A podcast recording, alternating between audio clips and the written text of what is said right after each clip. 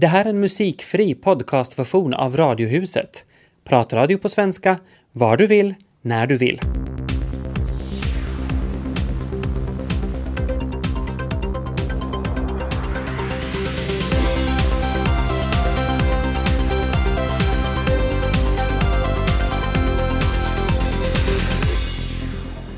Många människor såg länge Finland som ett land som folk lämnade, men aldrig tidigare har så många människor flyttat från Sverige som just i fjol. Och min folkpark, det tidigare så stolta nöjesetablissemanget i Malax utanför Vasa, kämpar för sin ekonomiska överlevnad. Mikko Ollikainen från räddningsgruppen gästar oss om en liten stund. Detta och mera till i Radiohuset tisdag med Peter Farlund. Och eh, Tobias Larsson, välkomna med. Och min folkpark ska det handla om nu. Välkommen Mikko Ollikainen. Tack, tack. Det går dåligt för den här förr så stolta nöjesmetropolen i Malax, eh, beläget ungefär 20 kilometer utanför Vasa. Skulderna uppgår till över 300 000 euro och någonting måste göras. Mikko, du är ordförande för gruppen som ska jobba fram en långsiktig framtidsstrategi. Och dit ska vi förstås återkomma. Men allra först, beskriv Åminne folkparks betydelse och plats i samhället för de som inte känner till det så bra. Nå, Minne folkpark är ju en, eh, ett nöjesställe som har varit verksamt sedan eh, mitten av 50-talet och som har samlat österbottningar, både svenskspråkiga men också en del finskspråkiga för att umgås och, och kanske mötas första gången i sitt liv. Det har också sagts att, att Åminne har, har varit den största äktenskapsförmedlingen i, i Österbotten genom tiderna, så det kan man väl säga. Men eh, det vet jag nu inte om det är exakt så, men säkert många äktenskap har, har fått sin början där. Men sedan så kanske många känner igen Åminne från Fångad av en sång nu under de senaste åren. Mm. Ja, och själv var jag kanske mest aktiv där, där i trakten i slutet av 70-talet, så det är ju en, en tid sedan. Hur många stora artister och, och, olika dansband och band har ni haft där genom tiderna?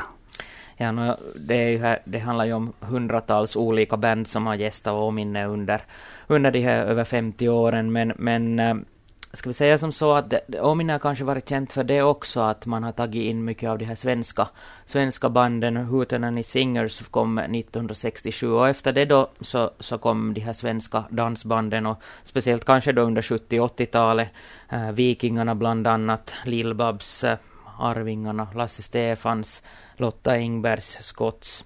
Men också då på, från mitten av 90 talet så började jag med de här uteshowerna och där var ju då Nordman och The Ark och The Sounds och Smokey bland annat. Carola har ju varit flera gånger också. Så mm. att det är nog många sådana här kända artister förutom de finska och de lokala banden förstås.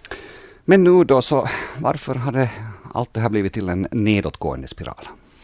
No, det finns massor med olika orsaker till det här och, och det, det, är inte bara en eller två utan det är en, en samling av av tiotals olika orsaker.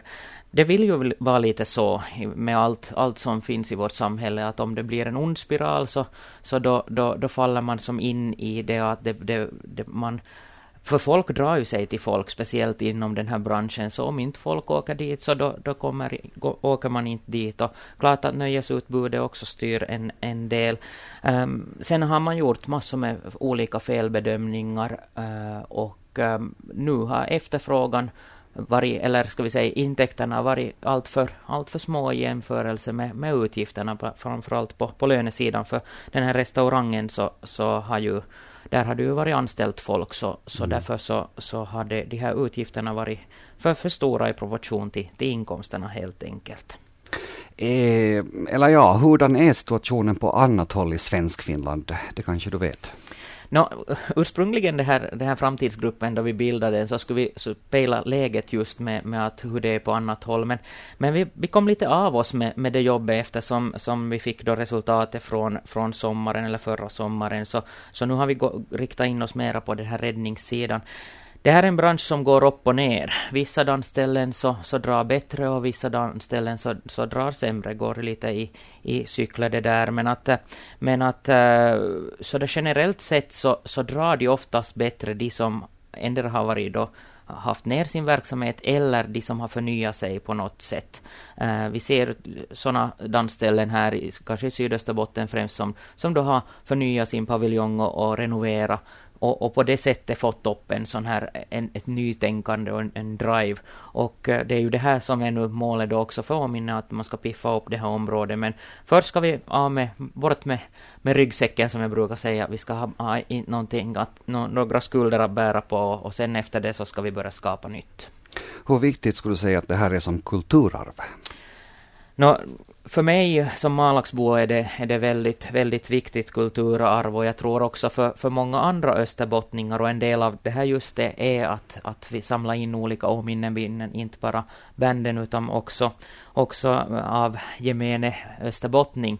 För att eh, de flesta har ett åminne minne, att man eh, har har endera varit där på dans eller kanske man har varit på allsång eller på, på någonting annat. Så jag, så jag ser det själv åtminstone som ett, som ett väldigt stort kulturarv för, för Österbotten, en, en pärla som är belägen då riktigt vid, vid vattnet, vid skär, den österbottniska skärgården i, i, i, eh, här i Malax. Och, och eh, det är nog, eh, jag tycker det är ett väldigt fint område och, och den, det, det skulle nog vara väldigt, väldigt synd om, om inte det skulle få fortsätta också tusen euros frågan.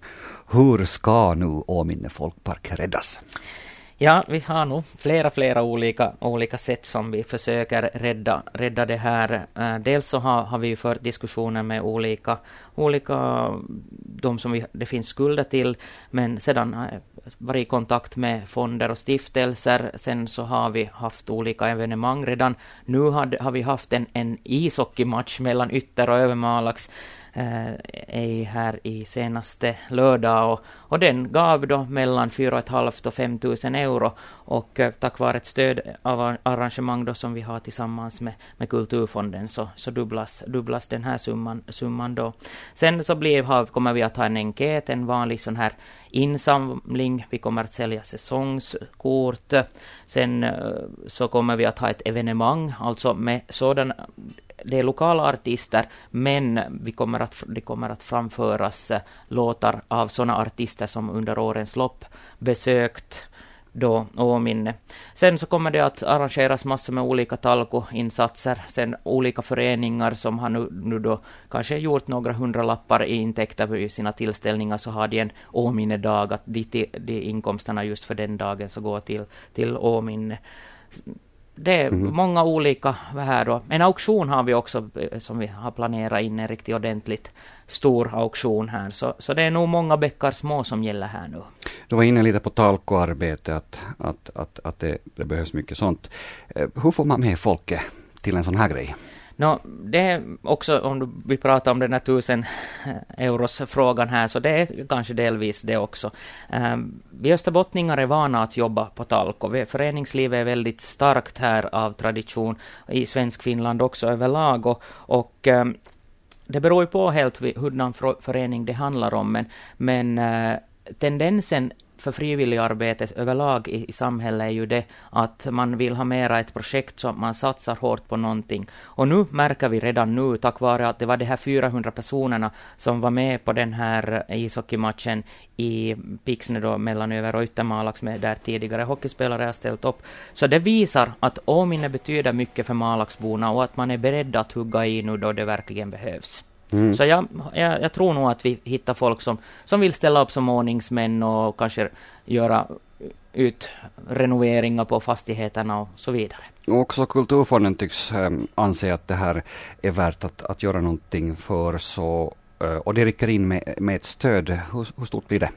No, det där stödet så beror helt på hur mycket vi lyckas samla in. Att det är så kallad matching fund, alltså de matchar det vad vi samlar in, lyckas avkorta, så, så då matchar de det ett i ett fram till maj månad. Så, så vi är väldigt nöjda över, över den här och det, det här stödarrangemanget så sporrar verkligen. Så naturligtvis hoppas vi att vi ska komma upp till närmare 150 000 då fram till, till maj månad, vilket skulle innebära att vi skulle då inte har några skulder alls, utan då får vi börja jobba, jobba vidare och, och, eh, och blicka framåt. Men en del av, av det hela, av det här, den här problematiken är väl nog det att ungdomar och unga vuxna eh, inte ställer upp i, i, ja, tillräckligt då i alla fall. Varför tror du att det, det är så svårt att locka dem på, på dans eller shower? No, det, det, här är också någonting som vi har funderat på i den här, den här framtidsgruppen. Och, och jag ska ta nu ett, ett exempel som nu kan vara en, en orsak. För det första så är utbudet betydligt mer. Du får den, det nöjesutbud som du vill ganska nära hemma. Det har pratats om Facebook, att folk sitter vid Facebook hemma på fredagskvällarna då man träffar så mycket folk i jobbet annars. Eh, det här kanske tidigare så var det en samlingsplats, man jobbade mera hemma på gården och då, då var dansen en, en samlings Eh, eller dansplatsen är en samlingsplats. Sen också så de här kändisarna, de här kända artisterna, man hade aldrig sett dem öga mot öga, man har aldrig sett dem på scen.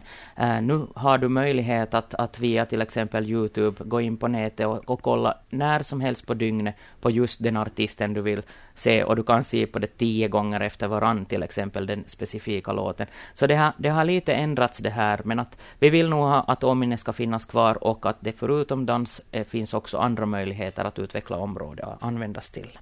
Och avslutningsvis Mikko Ollikainen, så hur hoppfull är du nu för att Åminne folkpark ska kunna räddas? Jag är betydligt hoppfullare nu, eller jag har egentligen varit det en längre tid, men efter Kulturfondens beslut här för en vecka sedan så är jag, är jag nog väldigt, väldigt hoppfull och alla signaler pekar mot att vi kommer nog att, att reda upp det här och, och vi bevisar att, att Åminne folkpark är en del av, av Malax och Österbotten och den vill vi ha kvar också i framtiden. Tack för att du kom hit. Tack, tack. Jag har upptäckt att jag inte är ensam här i världen utan i gott sällskap. Det har jag sett färska siffror på, alltså att lämna Sverige. Svenskarna utvandrar mer än någonsin och förra året var siffran utvandrare ur Sverige den högsta någonsin. Okay. Där kan Kristina från Duvemåla-generationen i slutet av 1800-talet se sig besegrad. Förra året lämnade 51 179 personer landet, vilket slår det tidigare rekordåret 1887. Ja, det är mycket folk det, men eh, knappast av riktigt samma orsaker som tvingade iväg de gamla väl? Nej, då var det ju ekonomisk kris och hungersnöd som fick folk att fly fältet och till viss del en brist på religionsfrihet också för den delen. Mm. Nu är det visserligen också ekonomisk kris, men här finns också en förändrad syn på världen. Att svenska företag flyttar utomlands och erbjuder anställda att flytta med och de tänker att vara 17. Mm.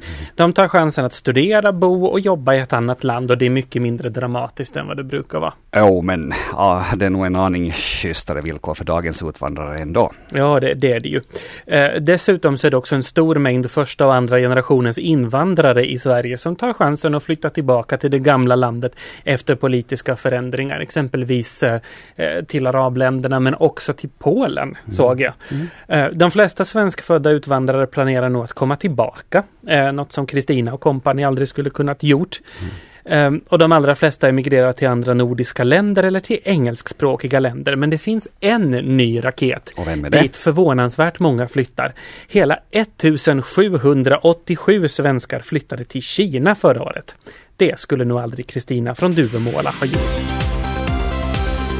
Välkommen till Radiohuset, Andreas Warnbäck. Tack! Du är kulturjournalist på Huvudstadsbladet och så är du chefredaktör för Filmjournalen. Det stämmer. Och det är just i egenskap av filmälskare och filmjournalist som du är här idag. Eh, nyligen så har finländsk film rönt stor uppmärksamhet på Berlinalen. Vad betyder det för den inhemska filmen? No, det betyder ju helt massor. Det är ju första gången egentligen sen uh, Aki Kaurismäki som, som vi har en stor film där. Uh, nu råkar jag faktiskt veta att den här Iron Sky som vi talar om i det här fallet, en sån här svart komedi om några nazister som gömmer sig på månen, så den uh, har faktiskt inte uppmärksammats så hemskt mycket, åtminstone i Tyskland, men däremot har övriga Norden och förstås vi själva skrivit om den hemskt mycket och, och också nog en hel del sån här film och framförallt nördsajter på nätet som intresserar sig för speciellt skiffy så att det betyder nog tror jag oerhört mycket och det visar ju också att vi kan göra sån film som man kanske inte har trott att vi kan göra. Hur viktig är just Berlinalen, alltså Berlins filmfestival? Hur står den sig mot andra filmfestivaler? I och med att det där film överlag håller på, filmkultur och film överlag håller på, tycker jag, att bli mer och mer rumsren hela tiden. Det är ju liksom 1900-talets viktigaste medium och, och alla de generationer som kommer, så det är generationer som har vuxit upp med filmen som en självklarhet och i och med det så växer nog också hela tiden festivalernas betydelse. Idag vill vi ju, eller idag ska vi helst börja snacka om kommande filmer redan som i Iron, Sky, Iron Skys eh, fall liksom hela åtta år innan den började, den blev färdig så började vi prata om den och samma sak med, med, med eller där spelar äh, festivalerna en jättestor roll. De, de har liksom ett, de är en möjlighet för världens alla filmjournalister att titta närmare på utbudet och sända ut signaler, här kommer det att komma någonting fantastiskt eller det här är riktigt uselt. Och jag tror att i och med just att filmen har, håller på hela tiden att få den här högre och högre positionen i vårt medvetande i förhållande till andra kulturformer så, så det där så, så liksom så, så på något sätt förväntar vi oss också att få höra mer. Vad händer där? Och vi vet, jag tror att det, fler och fler människor förstår också att det är på festivalerna som, de, som film, stora filmer premiärvisas.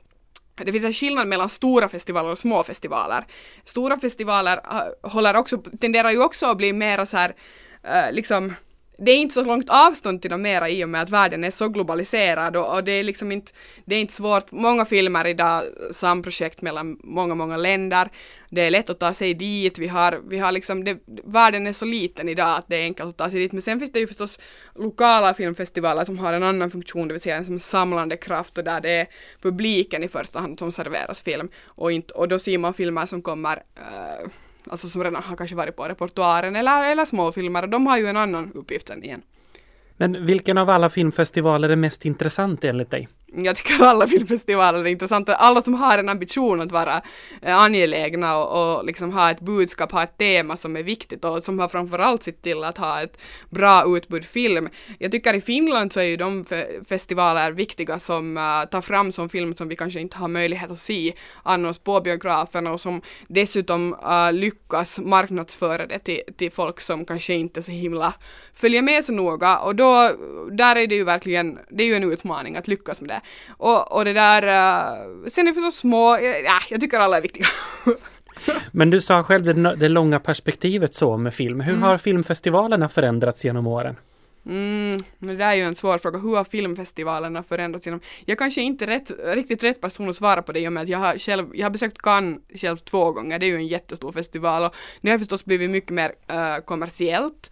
Det har, det är en enorm marknad där idag, man kan inte ens, det är svårt liksom ens föreställa sig hur stort och hur mycket pengar som susar genom den. Så det är ju på det sättet de stora festivalerna är ju helt genomkommersiella mer eller mindre. Uh, men sen framförallt så tycker jag nog just i och med det jag sa tidigare om att vi alla blir mer medvetna om filmen som, som kulturform så har ju de mindre festivalerna också ett bättre läge att helt enkelt nå ut till folk och, och folk har blivit, om man tittar på till exempel utbudet i Helsingfors, så idag är det mer eller mindre etablerat att Dogpoint och, och Kärlek och anarki kommer och de är stora och det är häftigt program och det lönar sig att kolla in. Jag menar, det, det blir liksom mer och mer, det blir mer och mer vanligt att folk håller koll på det här.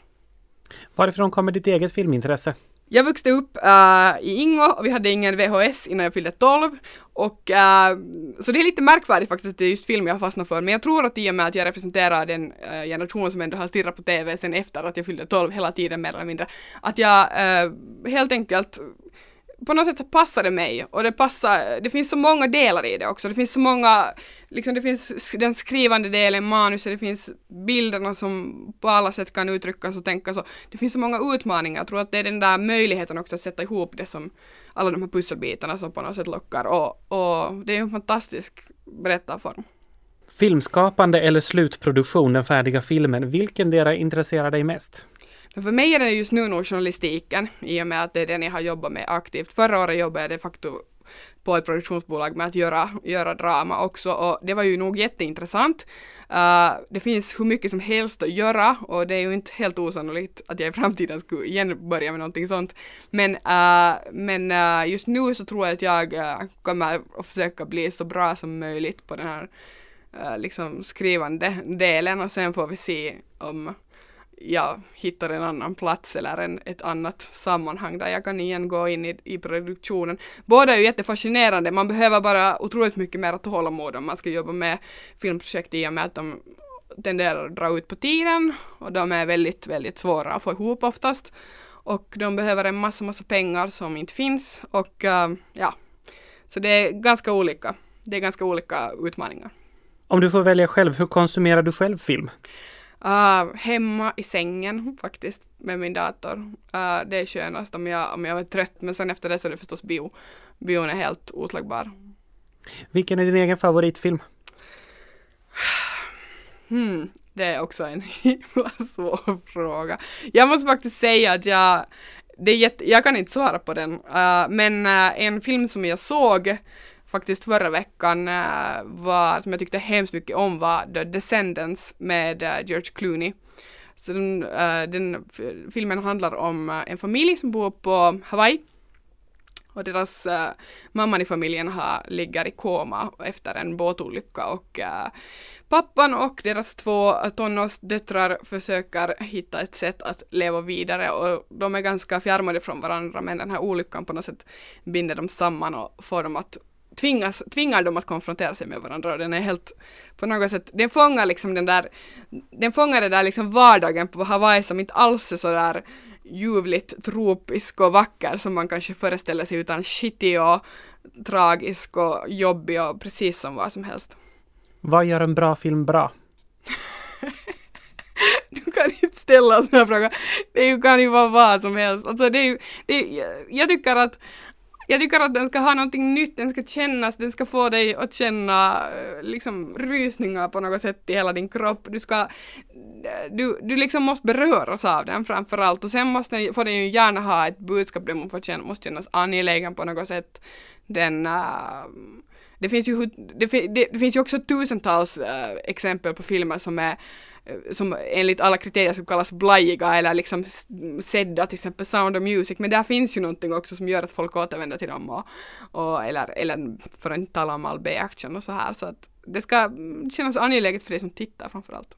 Men min ambition med tidningen är förstås att göra en jätte, jättebra tidning som så många människor som möjligt vill läsa och framförallt som en tidning som bevakar film, äh, filmvärlden i fin svensk Finland, i Finland och i Norden och hela världen på svenska i Finland.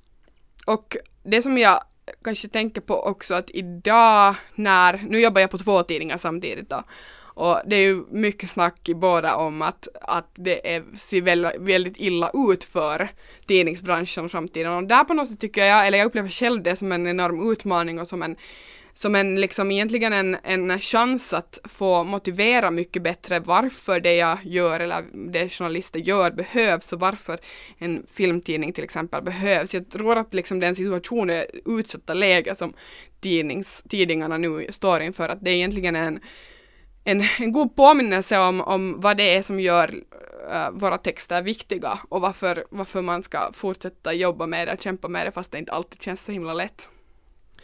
Hurdan ska en bra filmtidskrift vara? No, den ska vara den ska ha framförallt jättemycket innehåll och sen ska vara varierad. I vårt fall så handlar det ju om att ha en jämn bas av initierade texter om Svenskfinland, om det lokala, om lokala frågor, om Yles finansiering, om eh, eh, uh, Svenskfinlands, eh, hur mycket finlandssvenska filmer vi har, om, men också skriva om finsk film på svenska i Finland. Det skrivs ganska lite om det förutom de liksom, traditionella äh, filmrecensionerna i dagstidningarna. Mm, och på radion och, och så vidare. Um, sen tycker jag också att vi ska ha ytterligare ett fönster ut mot världen och se till, se vad är intressant för de svensk, eh, svenskspråkiga uh, läsarna i Finland att veta vad händer, vad har vi möjlighet och jag menar i och med just som jag sa tidigare att att uh, världen liksom krymper hela tiden på något sätt så har vi också möjlighet att ta in, folk reser hemskt mycket, jag har, jag har skribenter från Sverige som skickar in förslag och så här och jag ser det egentligen inte som, en, som ett minus så länge man kan balansera allt det där och jag tycker att det är fantastiskt att så många hör av sig och vill vara med. Hur väl står ni er i konkurrensen bland filmtidningar? Men Finland, uh, jag vet faktiskt inte, vi har ju på det sättet en unik position att vi är den enda svenskspråkiga. Uh, I Finland utkommer ju sen till exempel Episodi som är en sån stor och ganska kommersiell tidning. Sen finns ju Filmihullu som också är en sån mera ska säga, kulturinriktad filmtidning med väldigt långa och initierade texter och så här. Uh, så jag tror att vi passar in ganska bra där någonstans mitt emellan. Uh, vår mix är ju liksom egentligen, vi, vi kanske är lite bredare än dem faktiskt. De, har, de är ganska snäva inom liksom sitt område, antingen kommersiellt eller, eller, eller liksom väldigt, väldigt långt och utförligt och, och kanske eh, också tillbakablickande. Jag vet att Filmihullu skriver ganska mycket om gamla film, gammal film och så här. Det gör vi också men, men vi försöker mixa allt, allt möjligt. Filmbranschen står ju inför samma utmaningar som musikbranschen med att allt fler laddar hem film lagligt eller olagligt. Eh, hur ser framtiden ut tror du? Jag tror att det ser jättespännande ut. Jag tror att vi kan vänta oss mycket mera sådana här projekt som Iron Sky som, som ju de facto alltså den filmen som vi talade om tidigare som var aktuell, den finländska filmen på Berlins filmfestival, där, eh, där det där eh, amatör eller liksom ett, ett till en början amatörgäng går och liksom gör sin första film Uh, den blir jätte, jättesedd på nätet, sen etablerar de, etablerar de uh, den informationen hos liksom de här liksom strukturerna i ska säga, i Finland som finansierar film och så får de liksom stöd för sin nästa film och kan bygga ut och, och ändå inte släppa den här idén om att hålla kvar eh, kontakten med alla entusiaster på nätet och de har fått massor av hjälp från helt liksom folk ute i stugor som kan animera och så vidare. Och jag tror att den där liksom kombinationen av, av uh, amatör och liksom professionell, det kanske inte, jag, jag har en känsla av att alla inom den proffs, proffsgrupperna inte kanske gillar det här jättemycket, men jag tror att det är dit vi går. Jag tror att, att det kommer att vara mycket mer samarbeten. Jag tror också att vi kommer att få se hemskt mycket mer film som görs utanför de liksom strukturerna. Jag tror att det finns en enormt stor grupp människor som vill göra det här idag. Så ser alltså framtiden ut för filmbranschen, men hur ser framtiden ut för filmjournalen? Den ser nog också bra ut. Ja, vi, vi jobbar hårt och vi jobbar mycket och fast det ibland känns sådär att oj nej, att, för vi gör ju det här alltså nästan gratis kan jag, kan jag väl säga. Uh, så känns det som att det finns så mycket att skriva om att vi får liksom inte in allt ens. Så att jag, jag och gänget bakom med mig bakom mig um, så tror jag nog att vi kommer att hålla på ett gott tag till och om det inte är jag själv som håller i trådarna så är jag helt säker på att det finns en, en annan person som kan ta vid och då kan jag stödja sen och så vidare. Tack Andreas Svanbäck för att du kom till Radiohuset. Tack själv. Okej, nu måste jag faktiskt försöka se positivt på tillvaron, tänkte jag en grådaskig morgon i mitten av februari. Då hade jag redan varit sur, gnällig och deppig, mer eller mindre konstant i flera veckors tid. Ibland hade jag lyckats dölja det och till och med glömma bort att vara grinig. Men den dystra grundkänslan hade ändå hela tiden funnits där, strax under ytan. Det är liksom inte första gången jag trillar ner i den här sortens tungsinne på vintern. Fast det var ett tag sedan jag senast drabbades så här hårt. Men det brukar kännas en aning lättare om man lyckas fokusera på allt som trots allt är bra. Vad det nu sen skulle vara, säger min deppiga sida surt. Jag drar på mig en jacka och stiger i ett par träskor och går ut efter morgontidningen. Det snöar. Igen. Men det är åtminstone inte minus 30 som för ett par veckor sedan. Det är ju relativt sett positivt och jag skulle försöka tänka positivt. Samtidigt som jag är ute kollar jag ifall vallen som kommer av plogbilens framfart och som ibland blockerar vår infart verkar vara genomkörbar. Vissa morgnar är den så hög och ogenomtränglig att man får hålla på med spade och snöskotta i en timme för att kunna ta sig ut. Sen går man in och tar en snabb dusch efter det hårda arbetet och märker att den förbaskade plogbilen har kört förbi under tiden och att det nu finns en ny vall som blockerar utfarten. Det är sådana morgnar man bara skulle vilja krypa tillbaka ner i sängen och dra täcke över huvudet. Men så var det inte den här morgonen, tack och lov. Vallen var låg och inte så värst kompakt, så det skulle nog gå att komma igenom den om man bara backar med hård fart. Så där hade jag ännu en sak att vara glad över. Sen gäller det förstås att komma ihåg att kolla åt både vänster och höger när man fräser iväg i full fart bakåt, trots att just den här gatstumpen mittemot hälsovårdscentralen är enkelriktad sedan flera år tillbaka. Konstigt egentligen att folk som annars är laglydiga och aldrig skulle drömma om att köra i förbjuden körriktning, till exempel i Esplanaden, de har inga problem med att köra hur som helst just utanför oss. Någonting som jag själv ibland glömmer och tittar bara åt det håll därifrån bilar lagligt sett kan komma. Nå, det där är en småsak. Men om man absolut vill försöka se något positivt i det här också, så skulle det väl vara att ifall jag skulle bli påkörd när jag backar ut genom vallen av en bil som kommer från fel håll, så kan det åtminstone inte bli något tjafs om vem som är skyldig. När jag har läst tidningen och druckit första kannan kaffe bestämmer jag mig för att fortsätta tungsinnesutdrivningen med att skriva en lista på sånt som jag har orsak att vara glad och tacksam för. Men jag kommer inte ens igång. Vad spelar det för roll? Allt går ändå åt skogen, muttrar deppigheten och fortsätter. Läste du inte just tidningen? Människan är ett ondskefullt och girigt kräk som på grund av sin egen dumhet kommer att förorsaka hela artens undergång. Och vem bryr sig? Så här vill vi tydligen ha det. Vi vet att vi håller på att förstöra vår planet, men vi är för stolta, egennyttiga och lata för att ens försöka göra någonting åt det. Jag försöker jaga bort de dystra tankarna, men det vill inte sig. Det här är nu bara en sån morgon att hela världen känns fullständigt absurd. Och själv känner jag mig gammal, trött och livsled. Jag sätter upp mera kaffe, släpper in några frassar och försöker skärpa mig lite och analysera situationen. vad är det riktigt frågan om? Varför har jag just nu sjunkit så djupt ner i den i och för sig gamla välbekanta vinterledan? Finns det någon verklig orsak som jag bara vägrar se? Eller är det någon kemisk brist i hjärnan som gör att jag just nu ser allt i olika toner av grått och svart? Fastän jag vet att det finns mycket att vara glad över. Som till exempel katter, böcker, filmer, tulpaner, kakelugnar. Ja, och förstås en massa trevliga människor som finns i mitt liv. Jag borde ju vara både glad och tacksam, men känslan vill inte riktigt infinna sig. Kanske jag inte egentligen är så värst deppig utan bara trött. Trött på att försöka förstå, trött på att ändå inte fatta, trött på alla meningslösa reformer, trött på alla personlighetsstörda typer inom finansvärlden som gör livet surt för oss vanliga människor. Och så är jag dessutom oändligt trött på vintern. Mitt namn är Ann-Sofie Sandström och jag vet nog att det här tungsinnet går över. Det brukar det göra. Om inte förr så till våren. Det som göms i snö kommer upp i tö. Ja, nästan så kan man beskriva den händelse som uppdagades i Umeå för några dagar sedan och som nått över nyhetströskeln runt om i världen. På en eh, skogsväg rätt nära E4 så hittades en 45-årig man vid liv efter att ha legat insnöad i sin bil i över två månader. Vad tänker du Tobias om det här? Ja du, också den som gömmer sig i snö kommer fram i tö verkar det ju som. Mm. Eh, det är ju en väldigt underlig historia från oh. början till slut. Mm. Västerbottens-Kuriren eh, skriver att det var ett par skoteråkare som gjorde den här upptäckten.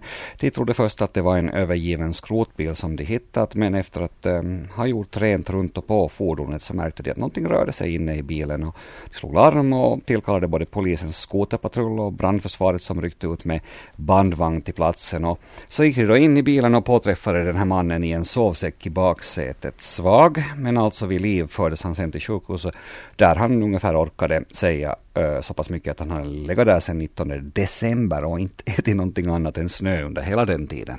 Ja du, alltså jag, jag, får inte ihop det rent medicinskt. Det borde liksom inte gå, Nej. tycker man. Men i och för sig ligger man still, låg ämnesomsättning. Eh, jag är ju ingen läkarexpert. Jag, jag tycker det verkar lite suspekt, men jag vet liksom inte hur det skulle ha gått till om det gick till på något annat sätt. Ja, räddningspersonalen säger att det är helt osannolikt att han lever, dels med tanke på att han inte, haft, inte han har haft någon mat eh, under den här tiden, men också för att det ju har varit rejält kallt under den här perioden. Och på universitetssjukhuset, där säger man att mannen nu mår efter omständigheterna helt okej. Okay. Eh, man kan klara sig utan mat i cirka två månader om man har tillgång till vatten, i det här fallet snö då. Men det var nog precis i grevens tid som han hittades. Ehm, det här är frågan om en oförklarlig händelse ännu i det här skedet. Mannen säger sig ha, att han då inte har några anhöriga och det eh, spekuleras eh, i att han eh, vill rymma iväg från skulder eventuellt. Och han är då inte misstänkt heller för något brott. Man tror det är frågan om ett utslag av de tider vi lever i. Ho vet? Då säger vi hallå till eh, Rolf Ström som är skomakare i Jakobstad. Ja, hej. Hur går affärerna just nu? No, ganska bra för tillfället egentligen.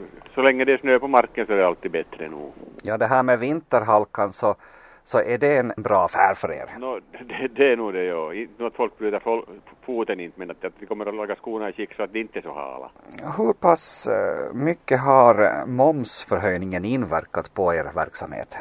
No, det är lite svårt att säga som ännu, det steg ju från nyåret först så att det börjar man börjar betala momsen nu först nästa, nästa månad liksom, det som kommer från januari så att men att nu inverkar det på de här reparationspriser och sånt, nu måste man, nu måste man höja lite, kanske inte, inte hela den där skillnaden inte, men att, att man måste höja priserna nog lite, det är i alla fall ganska mycket som det höjdes nu från 9 till 23 så att. Mm. Hur känns det för, för dig? Nå, inte vet jag inte, det är riktigt roligt kan man säga inte, men att det där, det hjälper väl inte klaga heller inte så att det är väl till godta det som det är. Och den ekonomiska nedgången som vi har haft över oss en tid nu, så har den fört med sig eventuellt fler kunder? Nu är det möj, möjligt att, att, att det är det, att det inte, inte hade gått som ner, neråt som lamman i, i sig inte, utan det där. Nu, nu tror jag att det, att det liksom, att folk sköter bättre om skorna nu, för att det kostar ju ändå ganska mycket om man ska ha ett par nya skor. Så att. Överlag då så uppfattar du det som om vi hellre köper nytt och billigt än underhåller och reparerar?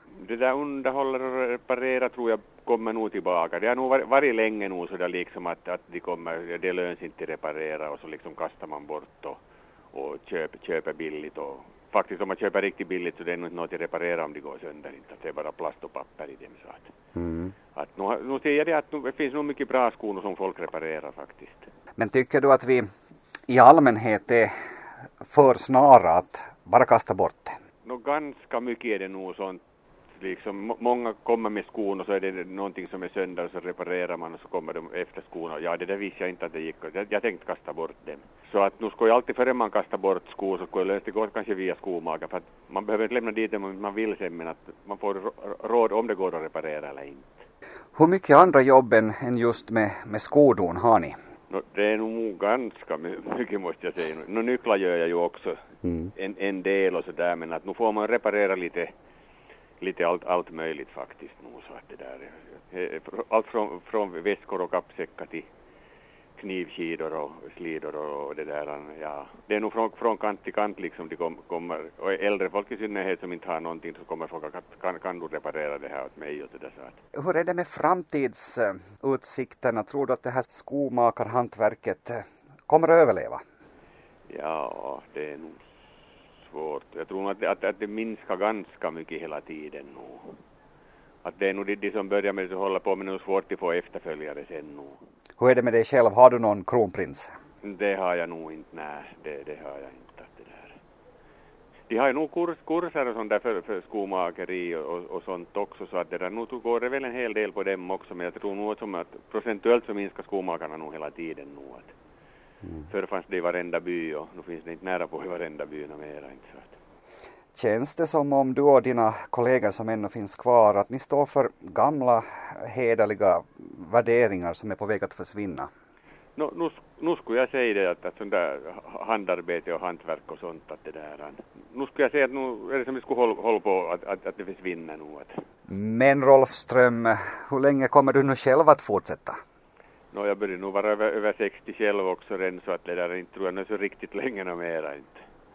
Jag har, nog, jag har nog inte satt någon tidpunkt när jag ska sluta inte men att inte, inte är det så länge till tror jag inte. Lycka till ändå!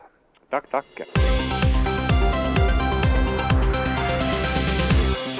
Det här var en musikfri podcastversion av Radiohuset som sänds i Radio Vega måndag till torsdag. Mer information om programmet hittar ni på svenska.yle.fi radiohuset.